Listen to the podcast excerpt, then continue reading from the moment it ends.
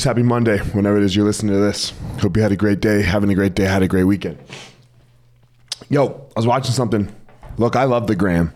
And I love the gram because I get really great ideas from the gram. Um, I was watching something the other day, and, and the quote was, Be grateful for not figuring it out. And I was like, Oh, hell yeah. Because we want to figure it out, right? Like, and, and it's, it's really hard to, to, to be not.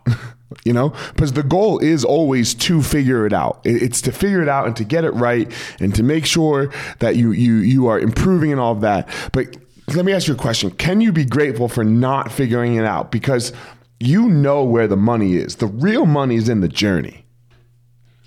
The real money is in the journey of figuring it out. And sometimes the longer it takes for you to get there, the longer it takes for you to figure out how to make it happen, the sweeter that shit can be at the end. And and the more you actually grow and get better.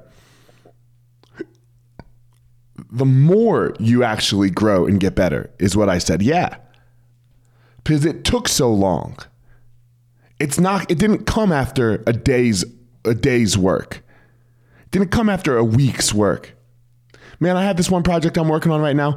I think I'm I think I'm really close to the finish line of it. It's been 2 years of figuring out one thing. Messing it up, doing it again, messing it up, doing it again while still working. I don't even know if I'm right yet.